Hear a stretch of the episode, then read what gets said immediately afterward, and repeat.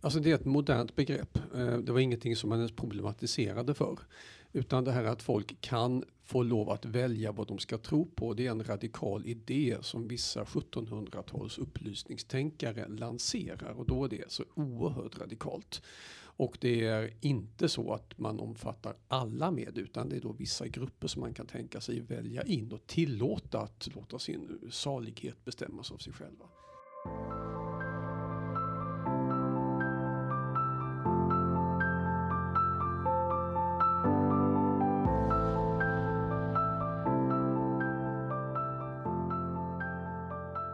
Hej och välkommen till Agera-podden. I den här podden tar vi på Agera Värmland upp frågor inom områdena mänskliga rättigheter, demokrati och diskriminering. Och med idag är Nine Karlsson Norman. Hej! Hej! Och den som leder samtalet är jag, Per Hydén. Om en stund får vi även in en gäst, men först ska du och jag prata lite grann Nine. Eh, hur är läget? Men det är bra. Solen skiner här utanför kontoret och ja, det är fint. Mm. Härligt att höra. Ja, och med dig då? Jo, men det är bra. Eh, jag har haft eh, väldigt mycket problem med förskolevirus hemma i familjen, men just nu så, så är vi friska så det är skönt. Ja, härligt. Du, idag är ju den eh, internationella religionsfrihetsdagen, mm. 27 oktober. Eh, och det är det som vi ska prata om i det här avsnittet. Och religionsfrihet är en mänsklig rättighet och eh, som även finns reglerad i vår grundlag. Vi kan läsa i regeringsformen att eh, i andra kapitlet, första paragrafen, att var och en är gentemot det allmänna tillförsäkrad religionsfrihet. Frihet att ensam eller tillsammans med andra utöva sin religion. Och om vi går till FNs allmänna förklaring om de mänskliga rättigheterna så kan vi läsa i artikel 18 var och en har rätt till tankefrihet, samvetsfrihet och religionsfrihet. Denna rätt innefattar frihet att byta religion och trosuppfattning och att ensam eller i gemenskap med andra offentligen eller enskilt utöva sin religion eller trosuppfattning genom undervisning, andaktsutövning, gudstjänst och religiösa sedvänjor. Och sist så kan man även ta upp eh, Europakonventionen där då i artikel 9 eh, som handlar om just också tankefrihet, samvetsfrihet och religionsfrihet står då så här. Att var och en har rätt till tankefrihet, samvetsfrihet och religionsfrihet. Denna rätt innefattar frihet att byta religion eller tro och frihet att ensam eller i gemenskap med andra offentligt eller enskilt utöva sin religion eller tro genom gudstjänst, undervisning, sedvänjor och ritualer. Alltså väldigt liknande som den som var i FNs allmänna eh, förklaring om de mänskliga rättigheterna. Men det fortsätter även eh, i artikel 9 här i Europakonventionen. Friheten att utöva sin religion eller tro får endast underkastas sådana begränsningar som är föreskrivna i lag och som i ett demokratiskt samhälle är nödvändiga med hänsyn till den allmänna säkerheten, till skydd för allmän ordning, hälsa eller moral eller till skydd för andra personers fri och rättigheter. Det var lite grann som, som en inledning på liksom, de formella och juridiska bitarna vad, vad religionsfrihet är och, och lite grann vad vi har och står på. Jag tänkte slänga ut en fråga till dig här eh, Nine. Vad, mm, vi har religionsfrihet och den är grundlagsskyddad och vi har även det kring de mänskliga rättigheterna. Men är den liksom helt obegränsad? Eller vad händer eh, i ett eh, potentiellt eh, fall då om rättigheter skulle krocka med varandra och vad, hur, hur, skulle det kunna se ut när det gäller religionsfrihet? Mm. Eh, och det här är ju en väldigt intressant eh, liksom, fråga, eh, tycker många jurister. därför att då handlar det ju kanske inte om bara en rättighet, det vill säga religionsfriheten. Utan det kan ju också handla om andra rättigheter som liksom den andra personen har eller de andra personerna i sammanhanget. Så att det som händer eh, liksom rent juridiskt är ju att vi har två rättigheter som krockar och som har liksom rätt till ett visst utrymme och så måste vi då bedöma vilken rättighet som, som ska ges störst utrymme eller som ska få ta den här platsen. Eh, och det är ju ofta väldigt komplicerade och svåra juridiska bedömningar. Mm.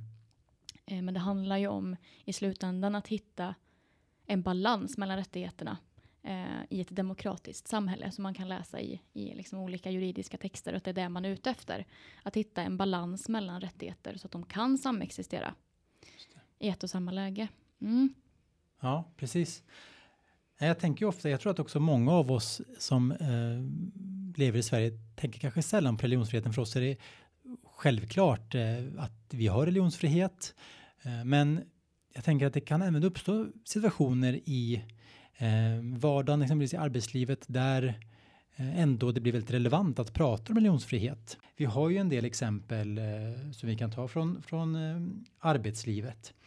Eh, ett exempel som jag tänker på nu, det är det här fallet som också från diskrimineringssynpunkt kring, kring handhälsning. Eh, har du lust att dra lite grann kring, kring det mm. ärendet som, som kom upp här för ett par år sedan? Ja, men precis. Och vi har ju några sådana ärenden. Eh, men i ett av dem så var det ju en arbetssökande som sökte en tjänst hos en arbetsgivare eh, och hälsade väl på eh, om det var rekryteraren eller chefen genom att eh, lägga sin hand över bröstet eller över hjärtat istället för att ta eh, den här manliga chefen i hand. Eh, och det här gjorde kvinnan då utifrån sin, sin religion där det inte är tillåtet att, att vidröra personer mm. av det andra könet.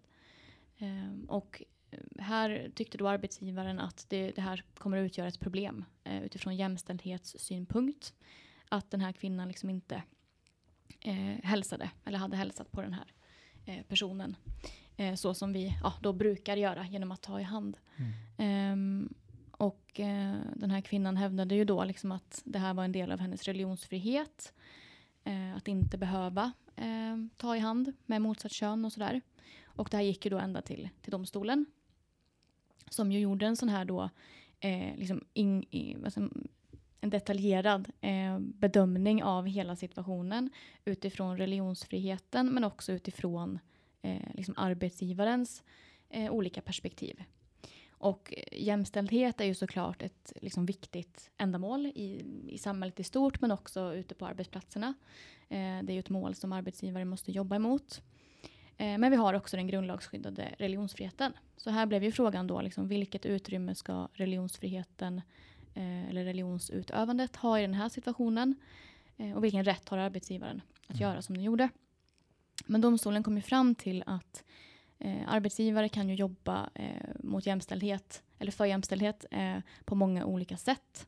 Och eh, det finns många andra sätt så att säga att, att liksom nå de målen och hela tiden röra sig emot jämställdhet eh, utan att behöva liksom begränsa eh, arbetsmarknaden på det här sättet som det här faktiskt innebar för den här kvinnan i det enskilda fallet. Eh, och man tittar ju också på då att den här kvinnan gjorde inte skillnad på vilket, vilket kön och hur hon hälsade utan hon la alltid sin hand över hjärtat när hon hälsade. Så hon, hon var ju så att säga jämställd i sitt agerande, i sitt handlande. Och det la man också vikt vid och kunde då inte se att det här skulle vara ett arbetsmiljöproblem. Just det.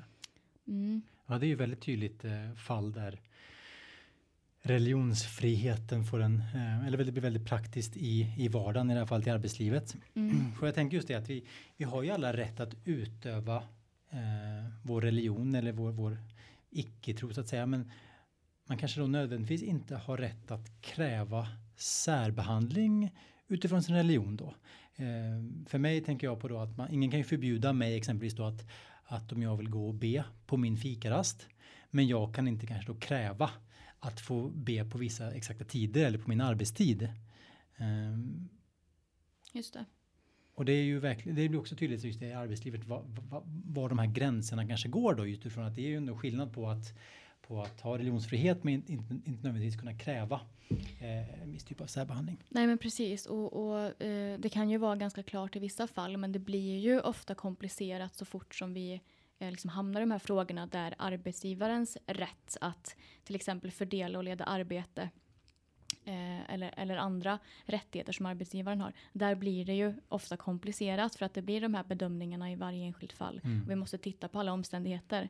Eh, så ja, spännande. Ja, det är klart, utifrån en, om man nu höjer blicken lite grann så, så måste man hitta någon slags balans eller någon rimlighet i det för att vi människor med olika trosuppfattningar, religioner eh, och de som inte tror på någonting alls ska kunna leva tillsammans och arbeta tillsammans. Så att eh, det här eh, formas ju tillsammans he hela tiden också utifrån de här ärendena som ibland måste gå till domstol för att man måste kunna reda ut uh, vad som, vad som ska gälla utifrån uh, de rättigheter som finns, tänker jag. Ja, men precis. Uh, och sen får vi inte glömma heller att religionsfriheten är också nära besläktad eller går hand i hand med alltså både åsiktsfriheten och yttrandefriheten och Mm. det gör det ju ännu mer komplicerat. Eh, men det har en tendens att bli kanske lite extra eh, infekterat eller eh, rörigt eh, kring religionsfriheten för att ja, det kan ju vara värderingsladdat och så ibland. Men eh, det har ett väldigt starkt skydd i grundlag eh, Mm. och det behöver vi respektera. Ja, precis. Ja, visst. Och, nej, och att det är ofta svåra och känsliga frågor, det, det, det märker ju vi, eh, du och jag, när vi jobbar med de här frågorna. Eh, men att ta framförallt kanske ärenden och situationer som uppstår i, i eh, ja, arbetslivet, men också i skolan kanske framförallt, eh, där det inte är lätt. Där man kan förstå flera perspektiv samtidigt, eh, så att säga. Men vi har ju också den eh, som vi möter ibland, alltså personer som kanske tycker att religionsfrihet också innebär att man ska behöva vara helt fri från religioner, nästan aldrig bli, behöva bli utsatt för någon typ av, av religiöst uttryck. Eh, men där så, så har man ju inte rätt så att säga, utan där, där har man ju som, som enskild också rätt att uttrycka sin, sin tro genom exempelvis eh, smycken eller, eller kläder och så vidare. Men om vi går ner lite grann på arbetslivet igen, eller, eller för den delen skolan eller utbildningsanordnare. Vad tänker du att man kan göra för att just säkerställa och till viss del underlätta religionsfriheten i sin verksamhet eller på sin skola eller så? Mm. Eh, och allra först där så tänker jag väl egentligen på eh, de skyldigheter som finns i lag idag i till exempel diskrimineringslagen som ju faktiskt innebär att arbetsgivare, alla arbetsgivare och alla skolor eh, aktivt behöver arbeta för eh, inkludering och eh, egentligen flexibla skolor och arbetsplatser eh, utifrån att förebygga diskriminering. Så jag tänker först eh, utifrån det lagkravet och att det faktiskt är någonting som eh, de här verksamheterna måste göra. Men ehm, annars så är det ju att, att som, som verksamhet eller som, som organisation försöka vara så flexibel och tillmötesgående i det enskilda fallet som det bara går. Mm. Och att man faktiskt gör individuella bedömningar. Man aktar sig för eh, generaliseringar och att man tittar på liksom, ja, men hur, hur kan vi hitta en lösning i den här situationen. Kan vi vara flexibla på något sätt som gör att den här personen kan liksom, eh, tillgodogöra sig sin religionsfrihet i just det här fallet. Och att man är ehm, ja, men lyhörd för att det kan se ut på många olika sätt. Och att, ja, men att vi aktar oss för att liksom dra, dra allt över en, en och samma kant. Mm. Just det. Ja, men jätteviktigt, jättebra. Mm.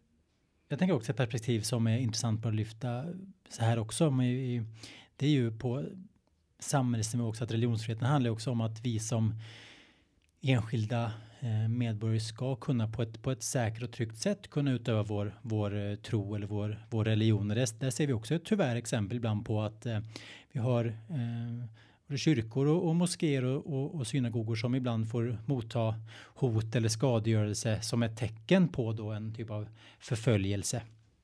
Och det är ju ett mer av ett stort samhällsproblem där man som, som eh, ja, där, där vi som land måste säkerställa att, att eh, vi alla här kan, kan utöva vår religion på ett säkert och tryggt sätt.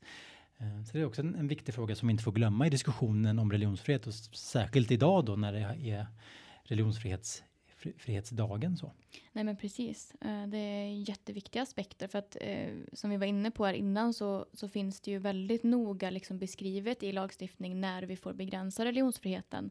Men eh, det finns också en jättetydlig liksom, rättspraxis eh, där det ju framgår att, att eh, liksom staten och statliga verksamheter till exempel har ju ett, ett utökat ansvar att också skydda människor i sin religionsutövning och den är jätteviktig också, Mm. att vi inte glömmer bort. Nej, precis. Och där eh, ser man ju tyvärr exempel på där vi, där vi eh, eller där det finns hot mot religionsfriheten även i Sverige idag. När man tar ett exempel på eh, synagogor som ofta får lägga väldigt mycket resurser på just säkerhet för att det ständigt finns eh, antisemitiska eh, strömningar och liksom hot så. Så att eh, det är viktigt att vi uppmärksammar och fortsätter jobba för en, en religionsfrihet eh, i Sverige. Ja men precis. Och det här gäller ju, eh, eller samma sak gäller ju här som för, för andra rättigheter, alltså att, att eh, staten som är den som har skrivit på eh, liksom människorättskonventioner och så måste ju förutom att liksom inte ingripa i våra rättigheter om det inte är nödvändigt också se till att vi kan nyttja våra rättigheter. Så det gäller ju för, för alla mänskliga rättigheter Mm. och eh, för religionsfriheten inte minst. Ja, men jätteviktigt, verkligen. Och något vi alla också får tänka på i våran vardag, att respektera varandra. Mm. Du, Nina, nu har vi pratat lite grann om, om hur det ser ut eh, idag och pratat utifrån lite eh, konventioner och sådär. Men nu tycker jag att det är dags att göra en liten historisk tillbakablick och bjuda in vår gäst i studion. Spännande.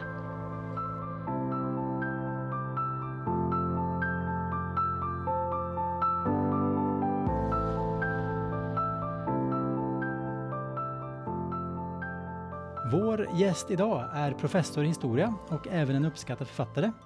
Varmt välkommen säger vi till dig, Dick Harrison. Tack så mycket. Till slut kom tåget fram till Karlstad och Värmland. Ja, det tog tid. Ett signalfel mellan Kävling och Teckomatorp i Skåne slog ut halva södra Sveriges järnvägsförbindelser. Men jag kom fram. Ja, det Jag har vi, varit med förr och vet att man ska boka med mycket god marginal om man åker tåg. ja, det är bra och vi är mycket glada för det. Eh, har du varit mycket i Värmland tidigare? Ja, det har jag. Jag har skrivit en biografi om eh, min svenska favoritpolitiker som kom från Ransäter som heter Tage Erlander och då var jag väldigt mycket i Värmland. Men jag har också varit här och föreläst på museet i Ja. Karlstad flera gånger. Och eh, vi har goda vänner här och jag har föreläst i Arvika. Så, så det här är ett kärt landskap för mig. Jag kommer mycket gärna tillbaka hit. Ja, fantastiskt. Jag tänkte fråga här om det är något särskilt i den värmländska historien som, som intresserar dig, men då, då fick vi ju svaret där. Det finns få människor som kan värmländska politiker lika mycket som jag tack vare Tage Erlander-boken. Det här det. ligger mig varmt om hjärtat. Ja, då kanske vi får anledning att eh, bjuda tillbaka dig och prata om det någon gång. Ja. Jättegärna. Ja. eh, ikväll ska du besöka Hammarö för en eh, författarföreläsning. Eh, och vi tycker det är jätteroligt att vi får låna dig en stund här för Mm. Agera-podden. För nu ska vi ju prata religionsfrihet här Mm. och utifrån en liten historisk eh, tillbakablick. Och om vi börjar med begreppet religionsfrihet. När skulle du säga att, att i historien då när det här begreppet tar sin början i världen och Sverige? Alltså det är ett modernt begrepp. Eh, det var ingenting som man ens problematiserade för. Utan det här att folk kan få lov att välja vad de ska tro på. Det är en radikal idé som vissa 1700-tals upplysningstänkare lanserar. Och då är det så oerhört radikalt. Och det är inte så att man omfattar alla med utan det är då vissa grupper som man kan tänka sig välja in och tillåta att låta sin salighet bestämmas av sig själva. Eh, och då, då, då är det alltså ytterlighetsradikalism i tänkandet som majoriteten av folket inte ställer upp på. Ska vi tänka oss religionsfrihet som vi tänker oss den idag, då kan vi inte gå hundra år tillbaka. Eh, I Sverige hade vi ingen religionsfrihet att tala om sett ur nutida perspektiv före 50-talet. Och man kan eh, gå längre än så. Men när jag var liten kunde man inte, om man var katolik, grunda ett kloster. Det var förbjudet fram till 1977 om man inte hade särskild tillåtelse av kunglig majestät. Så att det ska vara religionsfrihet det är egentligen ett ganska mycket modernt påfund. Som är en följd av att vi har börjat bryta ned idén att statsmakten ska bestämma vad vi ska tycka, och tänka och tro. Först har vi en lång, lång, lång uppgång där statsmakten tog sig rätten att bestämma och nu har vi börjat montera ner den och det har vi inte gjort särskilt länge. Så, så det, vi, vi, vi, är inte riktigt fast, vi är inte riktigt färdiga och bekväma med hur vi ska hantera det. Och det är därför det ofta blir störningar i systemet. Vi är inte vana vid att ha religionsfrihet. Just det. Och eh, nu förstår jag kanske att det här har skett i flera steg, men vad var det som, eller vad är det som har gjort att staten i slut också har, har gått med på att eh, frånsäga sig den makten att bestämma vad människor ska tro på? Man kan säga så här att när det går i två stycken omgångar. Först måste makten skapas och tas i muskler och eh, då, då tar man sig så många muskler som möjligt. När staterna byggs upp, framförallt på 15, 16, 1700-talet, då vill de expandera. Vill bestämma över allting, alltså närmast totalitärt via olika kollegier och ämbetsverk. Det är militärmakten, det är domstolarna, det är kyrkan, det är allt. Och då kommer religionen in under det paraplyet. Alltså, så när stater växer fram, då vill man bestämma allting. Men ju mäktigare staterna blir och ju fler människor vi får som lever i staten och ju, mer, ju bättre de får det, ju mer krav de ställer, desto mer börjar staterna krackelera. Så att succén och framgången för nationalstaten i sig undergräver överhetens möjlighet att kontrollera folk. Och där börjar sånt som föreningsfrihet, yttrandefrihet och religionsfrihet komma fram som idéer. Men det finns ingen, inget system i världen som frivilligt lämnar ifrån sig makt. Makt, är något man, makt och frihet är något man måste ta. Och ofta blir det backlashar eftersom man tar för mycket frihet. Och då slår det ut över någon annan och då kan staten stoppa det här och mm, säga nej, det visar att ni inte är mogna för det här än. Och det här gäller ju inte bara religionsfrihet, det gäller demokrati och allt annat också. Det är en lång process eftersom de som sitter och bestämmer vill inte lämna ifrån sig det. Och i eh, ett land som Sverige så har man dessutom institutionaliserat svårigheten genom att skapa en svensk kyrka. En statlig svensk kyrka med ett kolossalt stort kontrollmaskineri. Mm. Ända ner till gemene man alla som har sett Emil i Lönneberga på tv vet att man hade husförhör då prästen kom och kontrollerade att man kunde sin bibel och allt annat också. Det var läskunnighet och skrivkunnighet och var man bodde, alltså det skulle kontrolleras allt om svenskarna. Så inom religionens ram hade man en total kontroll av folk. Folkbokföringen var en kyrklig an angelägenhet. Skolväsendet var en kyrklig an angelägenhet och i detta låg religionen inbakad. Eftersom det var så institutionaliserat så är det ju väldigt svårt långt fram i tiden att tänka sig att man ska ha en annan religion. Och då ska man tänka att alla i Sverige får inte lov att ha det. Vår högst uppsatta svensk får inte ha det. Kungen har ingen religionsfrihet. Drottningen kan eventuellt ha det i vissa sammanhang. Men prinsar, prinsessor och alla som ska bli statschefer måste enligt svensk lag vara anhängare av den evangelisk-lutherska läran enligt Augsburgska bekännelsen på 1550-talet. Mm. Eh, så pass institutionaliserat är det alltså fortfarande.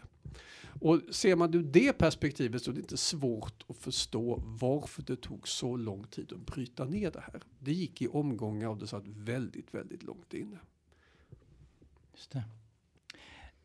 När kan vi börja se eh, religionsfriheten i historien som vi någorlunda känner den idag utifrån en svensk kontext? Ja, då skulle jag kunna göra en lång historia och säga att från början hade vi det hela tiden. Innan staterna växte fram så var det väldigt högt i tak. Mm. Vikingarna kunde släppa hem kristna gud, gud, gudomligheter, jungfru Maria och Jesus och införliva dem i sitt eget lilla Pantheon och tro på hur många de ville. Det gick, det fanns ingen överhet som stoppade det. Eh, så om vi går bakåt före statsmakten så är det inget problem att hitta religionsfrihet. Men i modernt perspektiv så är det alltså väldigt sent. Man börjar alltså på radikalt kungligt initiativ. Mycket radikalt experimentera på 1700-talet. Men då är det inte för alla. Då är det om du är någorlunda religiöst smart och håller dig inom Svenska kyrkans ramar och tar det försiktigt och gärna känner någon högt uppe. Om du till exempel är herrenhutare. Vi skulle kalla dem frireligiösa idag och hade de skött sina kort sämre så hade de blivit totalförbjudna. Men de skötte sina kort väl fick fungera som en sån där inomkyrklig verksamhet. Om du däremot möts utanför statskyrkans ram och har pietistiska andaktsmöten, då kan du åka in på Bohusfästning på 40 år, vilket en och annan drabbades av. Mm. Eh, så, du, så, så det, du måste alltså försöka göra det här försiktigt. Sen när man börjar släppa in sådana här radikala judar, katoliker och andra, alltså vara lite radikal och öppna sig, då är det väldigt försiktigt. Ska vi ha judar i Sverige? De har aldrig fått komma hit aldrig under medeltiden, 15-1600-talet. Då försökte man öppna några få städer på försök. Mastrand till exempel, det ligger ganska bra till för det ligger på en ö och det är en frihamn och det är lätt kontrollerat. Kanske Stockholm och Norrköping och så testar vi och ser hur det går. Så det är mycket begränsat till vissa platser. Om du är reformärt kristen, om du till exempel är en rik fransk hugenot som har kommit till Sverige, ja, du är väldigt välkommen för du är rik och fransman och vi är nära allierade med Frankrike, men det, det är ändå så att du får ju inte utöva den så att det syns. Mm. Kommer vi på dig med att ha någon sorts reformärt, alltså protestantisk gudstjänst till vänster om lutherdomen, då måste vi nog gripa till med hårdhandskarna, så låt oss inte göra det. Alltså lite så, så börjar man.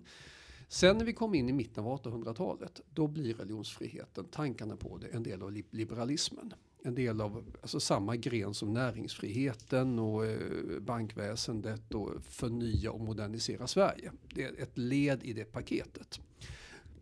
Och då börjar det gå lite snabbare. Då ser man inga, i grunden inga egentliga hinder för att man ska släppa in katoliker och judar eller vem som nu ändå vill komma. Men det är fortfarande främlingar, det är fortfarande inte i svensk tradition och kyrkan motsätter sig nästan alltid den här typen av förändringar för man vill hålla, slå vakt om sin, sin egen ställning. Så det går men det går långsamt. Just. Och den stora skjutsen framåt, den kommer först i mitten av 50-talet. Alltså ponera att du vid sekelskiftet 1900 ville lämna statskyrkan. Och då kunde du göra det. Officiellt gick det, men bara om du kunde visa upp att du skulle bli medlem i ett annat kyrkligt samfund som var godkänt av svenska staten direkt efteråt. Du kunde inte bara lämna för att du trodde inte på Gud. Det var totalt förbjudet. Du måste ansluta dig till något annat. Och likaså, du kunde inte begravas och gifta dig eller eh, alltså, ha någon annan ceremoni utan vidare. Det fanns en mängd hinder inbakade i det här systemet. Som modern i nutida bemärkelse religionsfrihet, det fick vi genom ett beslut, jag tror det var hösten 51 med verkan från 1 januari 1952. Och det är ju, tycker vi idag, väldigt sent. Det är mindre än 100 år sedan. Precis. Kan man, ja, Nina, vi pratade ju tidigare här om eh, FNs allmänna förklaring om de mänskliga rättigheterna. Där religionsfrihet förstås är en, är en tydlig del eh, som kom 1948. Ja, det är en eh, samband med eh, det här eh, lagstiftningen på början på 1950-talet tror du att vi har fått liksom in, internationella influenser där? Alltså det går, det, nu talar vi om Sverige, men Sverige är ett av flera länder med ungefär samma nationalstatserfarenhet. Där man har byggt upp samma kontrollsystem och samma i grunden statskyrkliga idéverksamhet. Och vissa är långt, långt tidigare än Sverige. Eh, ju, ju mer förtryckande katolskt det var, desto fler arga liberaler i ett tidigt skede.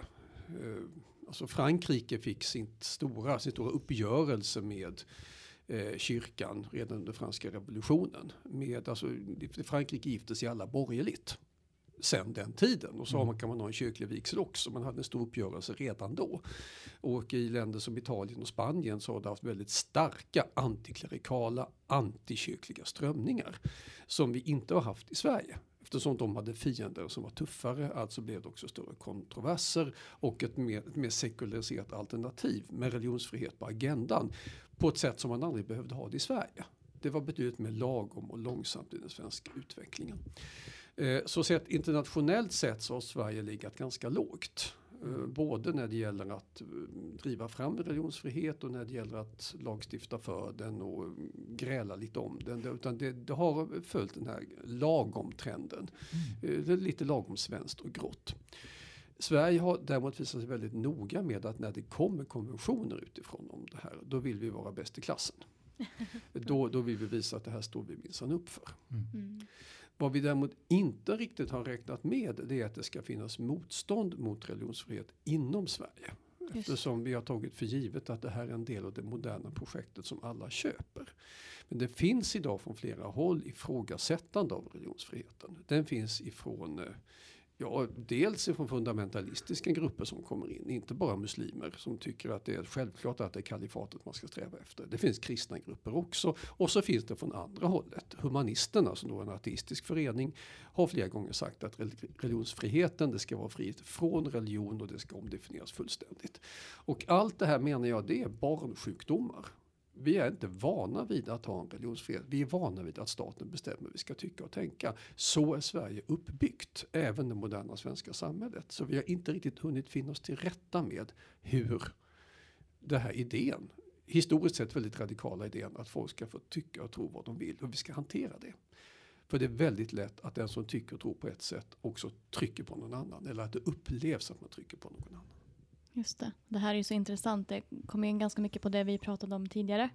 Eh, just att eh, liksom, religionsfrihet är ju en grundläggande mänsklig rättighet. Och i grunden så är det en begränsning av statsmakten från början. Men att eh, vi ser kanske att rättighetskrockar eller dilemman så där uppstår eh, på annat håll.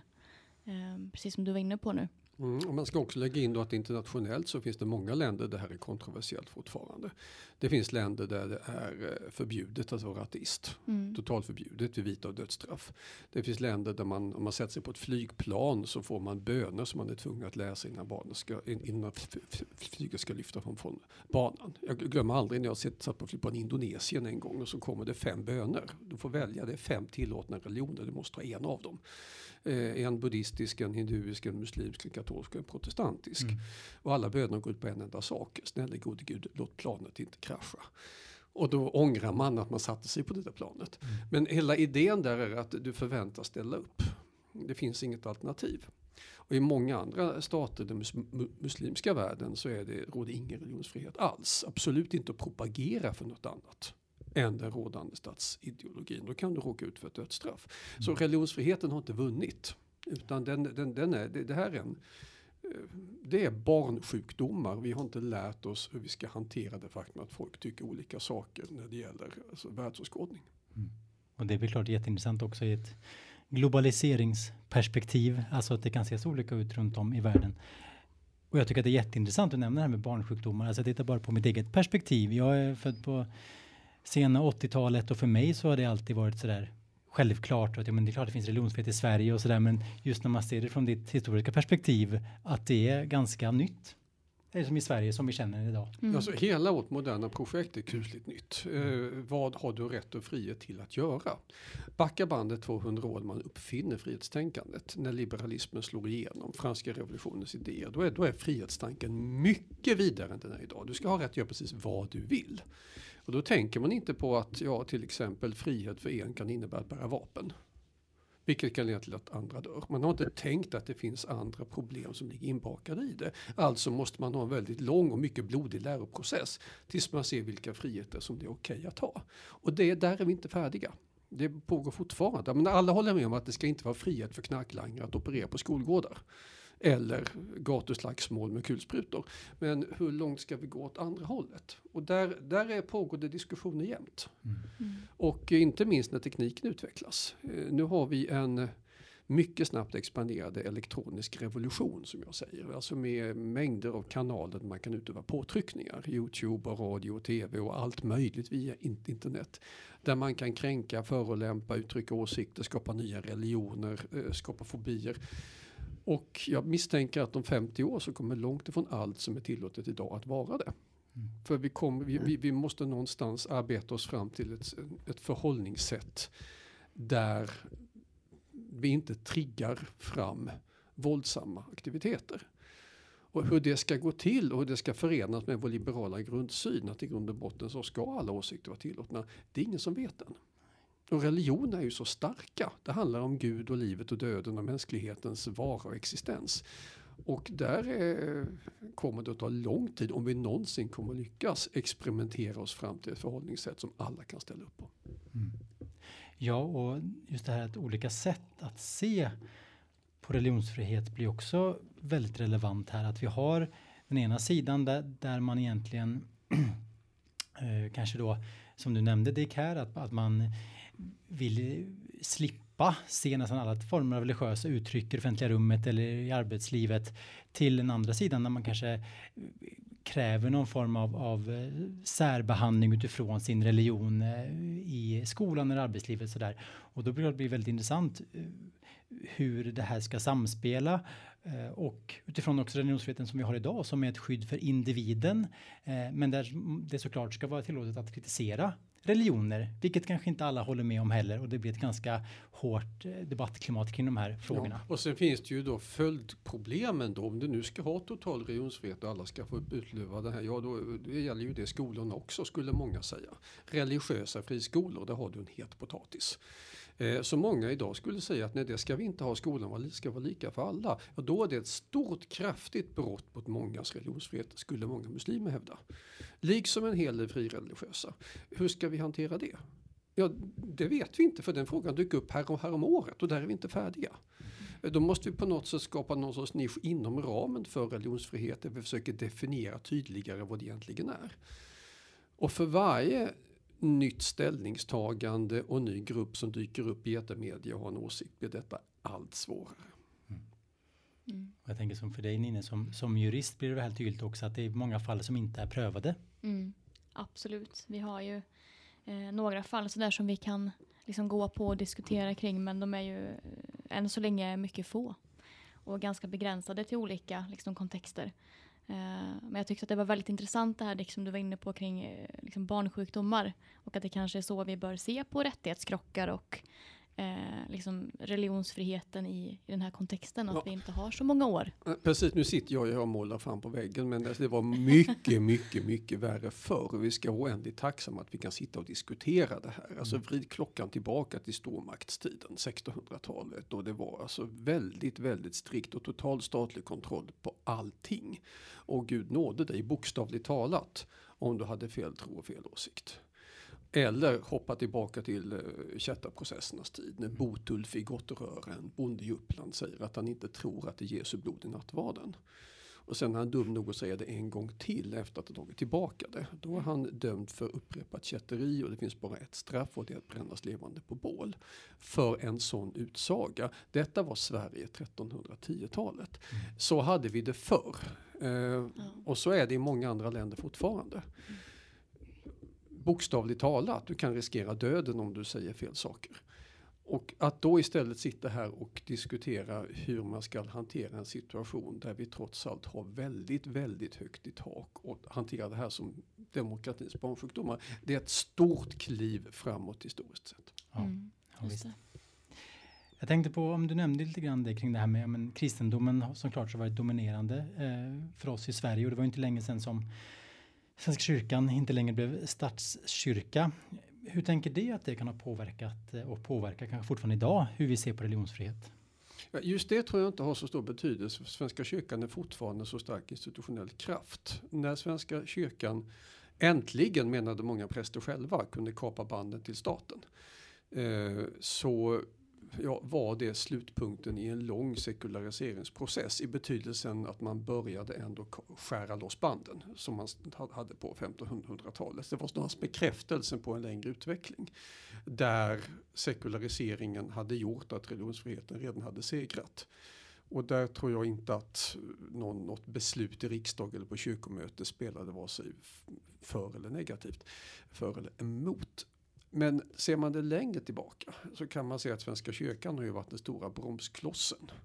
Före den moderna sekulariseringen så är, det den som fungerar som alltså kontrollinstansen nummer ett och de som mest av allt motsätter sig allting som kan tänkas kritisera religionen. Jag kan ta som ett paradexempel. Vi svenskar brukar vara stolta över att vi har världens äldsta tryckfrihetsförordning. Mm. Vi gick i spetsen för det frihetstiden 1766. Får säga nästan vad som helst. Censuren avskaffas på nästan allt utom kritik av Kunglig Majestät. Och han hade ingen makt då så det var inte mycket att kritisera. eh, men detta är fel. För man fick inte säga dumma saker om religionen heller. Där gick nämligen prästeståndet i riksdagen in och stoppade. Så till och med där man i övrigt var extremt liberal innan liberalismen uppfanns och eh, gick i bräschen för världens yttrandefrihetsutveckling. Inte ens där var religionsfriheten uppe till diskussion utan det, det, det var Självklart ska man inte komma in där. Mannen bakom tryckfrihetsförordningen var en präst, Anders Chydenius från Österbotten, som var lika stockkonservativ i religiösa frågor som hon var liberal i allt annat. Så ska, ska man peka finger och kasta skuld över Svenska kyrkan så är det inte lätt att göra det i nutiden då den har gått i bräschen väldigt Mm. mycket för den här typen av religionsfrihetsåsikter. Tillåter kyrkorum för muslimer till, till exempel. Men historiskt sett så har det varit den stora bromsklossen som då har institutionaliserats in i statsmakten för att se till att svenska folket ska hållas i Herrans tukt och för förmaning och vara rentroende lutheraner. Just det. Vad tyckte Tage Erlander om religionsfrihet? Eh, Tage Erlander var helt för det här. Nu, nu bytte Tage Erlander åsikt många gånger under sin livstid. Han växte upp i ett väldigt, väldigt kristet hem. Pappan var i hemlighet ledare för missionsförbundarna i Ransäter. I hemlighet, för han jobbade även som kantor i den lokala kyrkan. Vilket innebar att han hade lite kontroll över både frikyrkan och Svenska kyrkan. Han var även skollärare på orten så han hade väldigt stor kontroll och ledde bankväsendet och byggde elnät och var snickare och allt möjligt annat. Renässansmänniskan Erlander. Eh, så Tage Erlander kom som en mycket starkt troende kristen till Karlstad. Där han eh, var med i kristna studiegrupper under ledning av biskopen själv. Som var extremt konservativ och tyckte att det mesta hade gått åt helsike när Jean-Jacques Rousseau föddes på 1700-talet. Sen hade gått ut för, eh, samma biskop som skrev Fädernas kyrka. Så det var, det var den miljön på läroverket i Karlstad som Tage Erlander växte upp med. Sen flyttade han till Skåne och blev socialist och ateist i Lund. Han blev socialdemokrat och då vreds han ju åt vänster på alla punkterna. Och eh, gifte sig visserligen kyrkligt för gjorde man. Men i övrigt så hade han, läser man hans dagböcker så, så är det väldigt många kritiska pekpinnar mot kristligheten som man kallade det. Eh, så sett ur det perspektivet så gick han från att ha en mycket kristet liberal inställning med en pappa som tog med ett ben i både Svenska kyrkan och Missionsförbundet till att se det hela med distans. Mm. Och eh, då var ju naturligtvis sådana här lagar som tillkom på hans tid. Det är ju hans statsministertid som vi fick religionsfriheten på. Låg ju helt i linje med den ideologi han pläderade för. Att det här är någonting som inte staten ska lägga sig i. Vi ska väl börja avsluta lite grann snart här, men ibland hör man ju det här att Sverige är eh, världens mest sekulariserade land. Kan man koppla det någonting kring eh, frågorna kring religionsfrihet och, och stämmer det ens utifrån ditt perspektiv? Ja, alltså det beror på hur du definierar sekulariserat. Det betydelsen för många som går i kyrkan och tror på Gud och djävulen och helvetet och sånt där, då, då kommer svenskarna högt upp på listan. Det, det, det, vi är på den punkten väldigt sekulariserade. Vår del av Europa är det. Alltså från eh, alltså Tjeckien, München uppåt till Reykjavik. Alltså det här nordvästra delen av Europa är väldigt sekulariserad i sina värderingar. Om man går runt och frågar, tror du på Gud och tror du på helvetet och så vidare. Då. Eh, men tittar man på hur vi svenskar beter oss, våra ritualer, eh, våra värderingar. Så kan man ju inte säga. Men alltså, hur skulle det se ut? Den attityden som, som definitivt bottnar i en gammal, eh, mycket specifik eh, religiös inställning till hur livet ska levas. Då är vi inte ett dugg sekulariserade. Vi har väldigt starka uppfattningar om vad som är sant och fast vad man får lov att säga och inte får lov att säga. Eh, och där kan ribban ibland vara väldigt låg. Det gäller bara att lära sig titta med andra glasögon när det står religion på.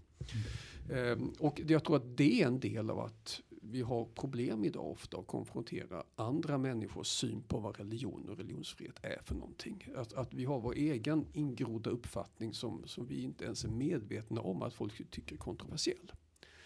Eh, ibland så kolliderar den med oss själva. Det mest kända exemplet är ska man ha skolavslutning i kyrkan. Mm.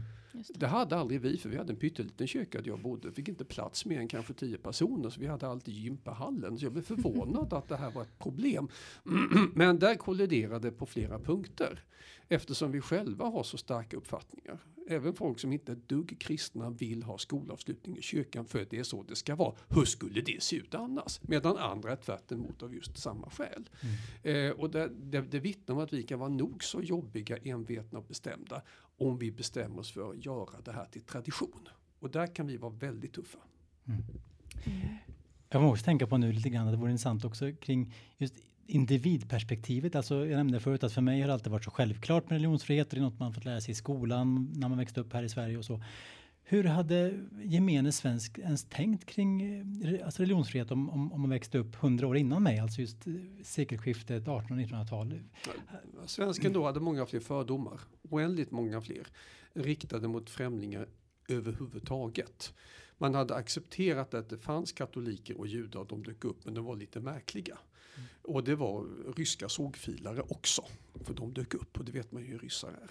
Mm. Och vi har etnologiska belägg från 1800-talets Småland att danskarna vet ju alla att de är varulvar och så vidare. Så fördomarna mot främlingar var mycket stora eftersom man inte kände så värst många främlingar. Man kände säsongsarbetare, man kände andra experter, tyska bryggor och andra. Men generellt sett så var de enda egentliga främlingarna man kände till det var de som kusinerna skrev om i Amerikabreven från Minnesota och de var ju svenskar de också i regel. Eh, så jag tror att det, religionen hade då bakats in i att de är utlänningar och konstiga. Och det, det är en attityd som vi hade haft, och de flesta folk, sedan långt, långt tillbaka i tiden. Och, och det är någon sorts, jag brukar kalla det för hembygdsrasism. Som grundar sig i någon sorts egentligen sund inställning att man vet vad man har men inte vad som kommer. Främlingen kan vara en plundrare. Främlingen kan vara en tjuv, en spion. Det gäller att vara försiktig. Och den, den ingrodda attityden har inget med religion att göra men religionen fyller ju på. Eh, jag menar jag, min pappa växte upp i ett brukssamhälle i södra Halland där det fanns en hel del katoliker för de hade kommit från sudetlandet i Böhmen för att lära svenskarna väva jutesäckar. Och de hade en egen kyrka och den var ju väldigt spännande. Konstig, mystisk som man skulle spionera och spana på för det var spännande. Det låg i alltså det här främlingsrädslan, främlingsnyfikenheten mer än religionsnyfikenheten. Just det. Mm. Och som avslutning då, hur skulle du som, som eh, historiker, om du skulle få ta tempen på, det, på religionsfriheten i Sverige idag och även vart är vi på väg? Vad skulle du säga då? Ja, alltså, något man läser som historiker är att det går inte att sia. Alltså 1980, fråga svenskarna. Tror du att Volvo personvagnar om 30 år köps av ett privatbolag i Kina? Nej. Om 10 år tror du Sovjetunionen har slutat existera och tsaren blir helgonförklarad? Nej. Nej, alltså det, och det, allt detta har hänt. Mm. Eh, så historien lurar oss hela tiden när vi tittar framåt. Eh, jag ser nu att religionsfriheten inte är en självklarhet. Det förekommer problem alla redan. Men jag tror att den grundläggande liberala inställning som har bankats in i vår grundlag och som alla svenskar i någorlunda myndig ålder med någorlunda sunt förnuft i skallen ställer upp på kommer att segra. För det är en så pass grundläggande god princip att människor ska få bestämma själva vad de ska tro. Står man bara upp för det så går det säkert att kompromissa sig fram till någon sorts fungerande samhälle där religionsfriheten kan funka. Det får bli slutordet för det här samtalet om religionsfrihet.